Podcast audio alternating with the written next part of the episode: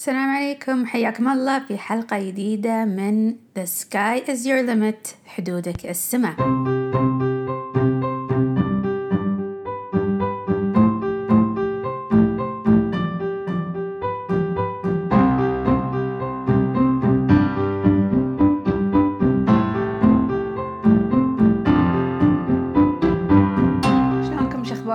مستمعينا إن شاء الله تكونون بخير. رجعنا لكم بحلقة جديدة وموضوع إن شاء الله يكون شيق ويعجبكم بإذن الله. موضوع اليوم راح يكون عن اختيار الصحبة اختيار الناس اللي إحنا نحيط نفسنا فيهم.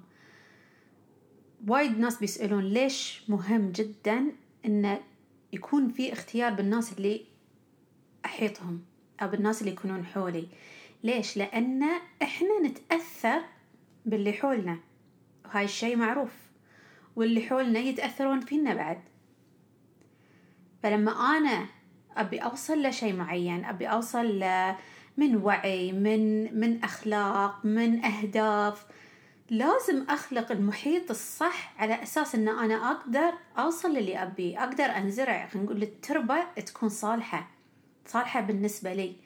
فجدا مهم إن أتمعن وأكون أختار بدقة من أحيط نفسي به.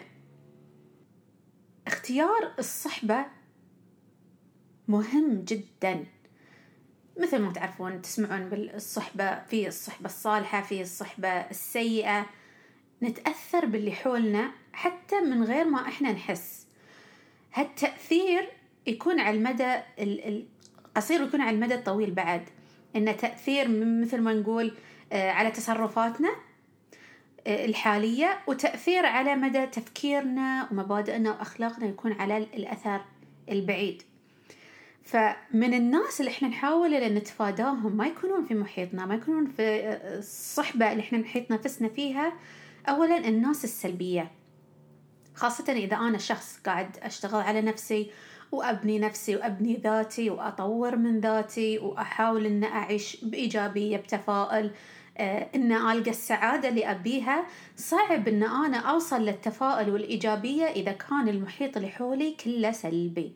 وايد أسمع آه، وايد أسمع ناس يقولون شلون أطلع من المحيط السلبي؟ أو شلون آه، أحد الناس أو سلبيتهم إنه ما تأثر فيني؟ اولا وضع الحدود جدا مهم إن أنا أحط الحدود إن سلبية الناس ما تأثر فيني.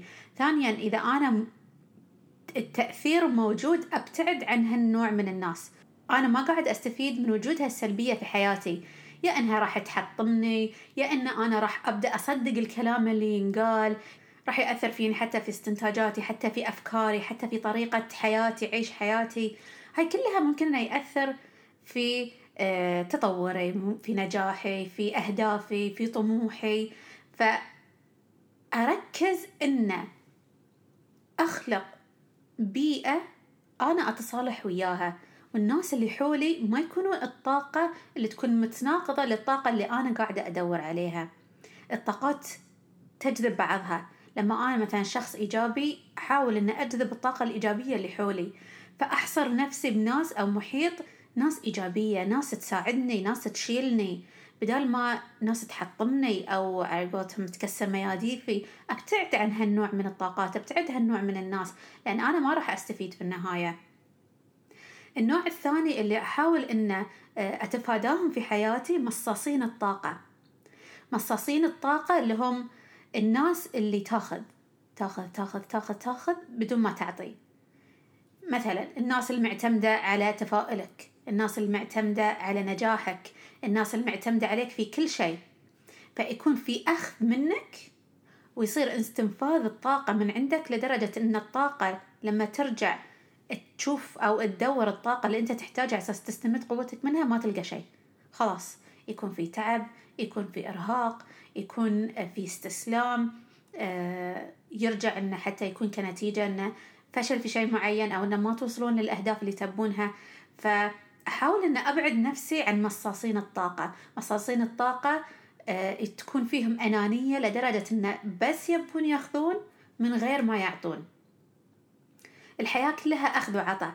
فأحاول إن أحيط نفسي بناس يأخذون مني يتعلمون مني يستفيدون مني بس أنا بنفس الوقت ممكن أن آخذ منهم أعطي آه، ممكن أن آخذ منهم أستفيد منهم وأطور نفسي.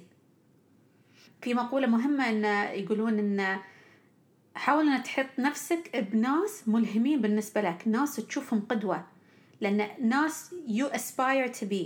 ليش؟ لأن أنت الناس اللي تحيط نفسك فيهم هم اللي راح يأثرون عليك. مثلا إذا كنت تبي آه، تكون مليونير هاي مقولة معروفة. إذا تبي تكون مليونير تحط نفسك بناس مليونيرية. تبي تكون شخص إيجابي تحط نفسك بناس إيجابيين. وبهالطريقة راح تشوف إن الناس اللي أنت حط نفسك فيهم راح يكون هم السند اللي تقدر تتكل عليهم من بعد نفسك. النوع الثالث اللي تحاول تتفاداهم هم الاتكاليين. الاتكاليين إن حياتهم تكون معتمدة عليك. بطريقة جدا أنانية. يعني قريبة من مصاصين طاقة بس الاتكاليين لدرجة إنه يعتمدون عليك إن أنت تنقذهم. يعتمدون عليك إن أنت اللي تحل مشاكلهم في حياتهم. الاعتماد يكون كلي عليك فالطاقة تستنفذ من عندك. فلما الطاقة تستنفذ من عندك أنت خلاص ما عندك شيء ما بقى شيء معاك. ثانيا أنت قاعد تشيل مسؤولية مش مسؤوليتك. خاصة مثلا أنت كل واحد مسؤول عن سعادته. فأنا ما أقدر أشيل مسؤولية سعادة شخص آخر. إذا الشخص ما قاعد يلقى السعادة في نفسه ما قاعد يلقى الرضا والقبول عنده أنا صعب علي أن أنا أشيل هالمسؤولية لأنها مسؤولية كبيرة. ثاني شيء مهما سويت مهما حطيت صعب أن الشخص الآخر إذا هو ما كان مقتنع داخليا بالسعادة وبالرضا وبالقبول مهما سويته راح يكون بس استنفاذ طاقة لأن مهما سويته راح يستمرون ياخذون ياخذون ياخذون. وبعدها إذا هم ما كان في اقتناع داخلي صعب إنه يوصلون للي يبونه. فهل ثلاث أشخاص إحنا نحاول نتفاداهم ونتفادى صحبتهم السلبيين مصاصين الطاقة والاتكاليين؟ فشلون أختار الناس اللي أحيط نفسي فيهم؟ سواء كانت صداقة سواء كانت زمالة سواء كان شراكة أيا كان أنا شلون أختار الشخص الصح اللي أحيط نفسي فيه اللي راح يساعدني ويساندني بدل ما إنه يكسر مياديفي. أبحث عن من يشاركني في مبادئي وقيمي في الحياة. فلازم يكون في عامل مشترك. لما أنا أبي أجذب طاقة معينة أو إن أبي أجذب ناس معينين في حياتي لازم يكون في شيء بيننا مشترك. من المبادئ والقيم يكون على مستوى عالي آه، يكون على مستوى فكري. هالشيء ممكن يكون من ناحية صحبة من ناحية حتى مثلا زواج من ناحية شراكة. لما نكون فاهمين بعض مستوى فكري يكون نقدر نتفاهم نقدر نتواصل نقدر آه، ناخذ ونعطي مع بعض. فيكون مستوى سهل إن نوصل لعمق العلاقة هاي.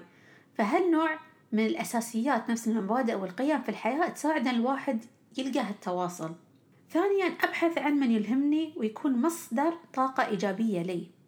يعني شخص نفس ما قلت أقدر أعتمد عليه أقدر أستند عليه. إذا حسيت نفسي مثلا آه، بستسلم إذا حسيت نفسي إن أنا مثلا حزينة أو زعلانة شخص أقدر أثق في رايه أثق في نصائحه في قراراته. فمهم جدا إن ألقى شخص يلهمني ويكون مصدر طاقة أقدر أستمد فيها إذا احتجت. أبحث عن من راح يكون عون لي وصوت الحق لي متى ما احتجته. يعني كلنا عندنا أصوات كلنا عندنا آراء كلنا عندنا قرارات. بس أحيانا حلو نسمع من ناس مصدر ثقة بالنسبة لنا. ممكن إنه يبينون لنا أشياء من منظور آخر. ولكن نعرف إن في النهاية هم لمصلحتنا قاعدين يبينون لنا هالمنظور وإحنا نثق في قراراتهم نثق في رأيهم. فهالنوع من الناس إحنا اللي نحاول إن نحيط نفسنا فيهم. بس أهم من هاي كله أتأكد إن هذه الصفات اللي أنا قاعدة أدورها هي أصلا فيني. يعني إذا أنا راح أدور على شخص مشارك بقيمه ومبادئه أعرف أنا شنو قيمي ومبادئي في الحياة؟ شنو هي الخطوط الحمراء بالنسبة لي؟ أنا على أي أساس قاعدة أعيش حياتي أو قاعد أعيش حياتي؟ إذا كنت قاعد أدور على شخص يلهمني لازم أنا أكون مصدر إلهام. إذا كنت قاعد أدور شخص إيجابي لازم أنا أكون شخص إيجابي.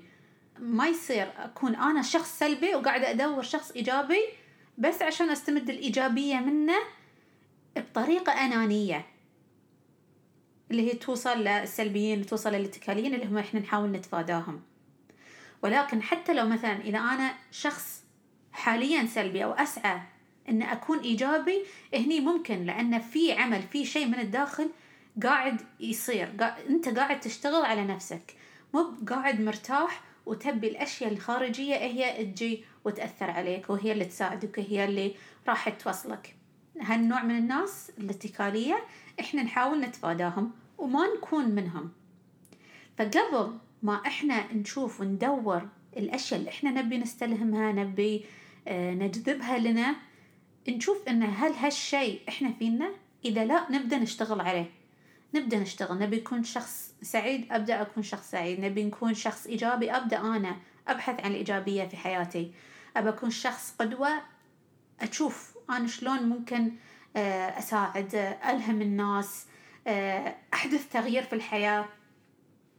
فلما أبدأ من الداخل بعدين أسهل علي إن أنا أدور الطاقات أو الناس اللي مماثلة لي تساعدني إن أنا أوصل من ناحية تطوير الذات من ناحية تطوير الشغل من ناحية تطوير وظيفة من ناحية مثلا حتى آه، البزنس. آه، إذا أنا كنت رائد أعمال أو إن أسعى إني أكون رائد أعمال أحاول أحيط نفسي برواد أعمال ناجحين أستلهم منهم أتعلم منهم ومن هالكلام. فهاي بطريقة مبسطة تشرح إن أهمية الناس اللي أنا أحيط نفسي فيهم وايد تأثر على رحلتي في الحياة. وين أنا أبي أوصل؟ إذا أنا كنت أبي أوصل لهدف معين أتأكد إن الناس اللي حولي يساعدوني ويكونون سند لي. نفس ما يقولون ال support group اللي حولي يكون سند على أساس اني أوصل للي أبي. ولا تستسلمون بسرعة. لا تستسلمون في البحث. ابحثوا عن الناس اللي اولا تستحق إن أنتم تكونون في حياتها وهم يستحقون إن هم يكونون جزء من حياتكم. ناس تساعدكم وتشيلكم ويكونون سند. ناس غير سلبية ناس إيجابية ناس واعية. وأتأكد قبل هاي كله إن هالشي يكون فيني أنا. فأبدأ العمل من داخل على أساس أني أقدر أجذب هالأشياء اللي أنا قاعدة أعكسها للعالم. وبشي نكون ختمنا حلقة اليوم. إن شاء الله يا رب تكونون استفدتم من المعلومات اللي شاركناها اليوم. ونشوفكم إن شاء الله الأسبوع الجاي. بحلقة جديدة من حدودك السماء.